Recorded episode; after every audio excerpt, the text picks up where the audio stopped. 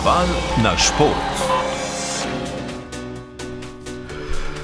Alpski smočari so turnejo po italijanskih dolomitih končali z nočnim slalomom v Madoni, Madoni di Campillo.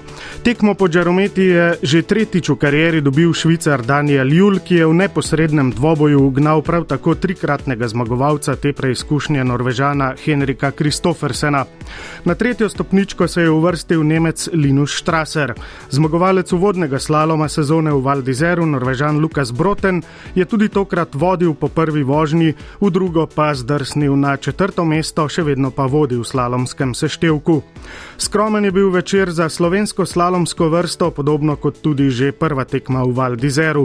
Najboljši slovenski slalomist Štefan Hadalin, številko 33, je hitro izgubil ritem na progi in odstopil že do prvega merjenja umestnega časa.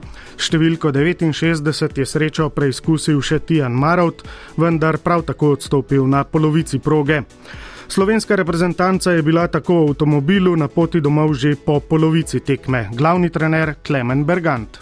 Naša dva fanta nista naredila dobrega dela, uh, Štefan je odstopil zelo hitro, solidno in začel. Uh, sam vemo, da pač treba dvakrat v cilj prideti na slalomu. Tijan tudi ni, ni dobro smučal, je tudi naredil potem napako odstopu. Zdaj imamo malo krajšo pauzo, samo vse. Uh, treba se bo pripraviti in tudi uh, v bistvu na tekmah tekmovati dobro, da ražbo sezone zelo hiter konc. Zadnji prizorišči v tem koledarskem letu bosta Simmering za ženske in Bormijo za moške. Smučarke bodo od torka do četrtka v Avstriji tekmovale na dveh vele slalomih in slalomu. Smučarje v sredo in četrtek čakata obe hitri disciplini v Italiji. Naval na šport. Po dveh precej sušnih letih, ko je odpadel lep del tekmovanj, se je včeraj v Jeruzalemu končala letošnja sezona za judoiste. Junija se je že začelo zbiranje točk za olimpijski nastop v Parizu. Slovenski judoisti pa bodo leto, ki se izteka, skušali čim prej pozabiti. Nekaj besed o tem Dare Rupar. Zaključni turnir v Izraelu je bil v slogu obeh preostalih največjih tekmovanj v tem letu. V Jeruzalemu so slovenski judoisti na blazine stopili desetkrat in zabeležili le tri zmage. Ob tem pa je potrebno podariti, da sta se le Kaja Kajzer in Andreja Leški merili s tekmovalkami, ki sta na koncu stopili na zmagovalni odr. Kajzerjeva je ob tem nastopila poškodovana, saj še zdaleč ni rešila težav po poškodbi, ki jo je oktobra staknila na svetovnem prvenstvu. Leškjeva, ki je tudi imela imela precej težav s poškodbami, pa je pred Jeruzalemom potrdila, da je dobro trenirala, da je pripravljenost na visokem nivoju, z nasprotnico z Kosova pa je na to naredila nepotrebno napako. Andreja Leški. Glavno je, kako se bomo zdaj odzvali, kaj bomo naredili po tem. Um, in uh, sem sigurna, no, da bomo vsi skupaj uh, v klubu s trenerjem našli nekaj, da se naučiti tudi iz te tekme.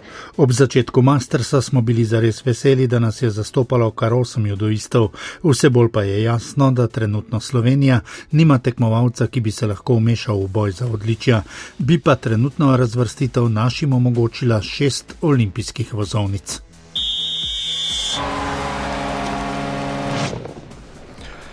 Hokejisti Los Angeles Kings so v severnoameriški hokejski ligi NHL na domačem ledu po podaljšku 4 proti 3 ugnali Calgary Flames. Kapetan domačih Anže Kopitar je sprožil 4 strele na vrata tekmecev iz Kanade, vendar v 22 minutah igre ni dosegel točke.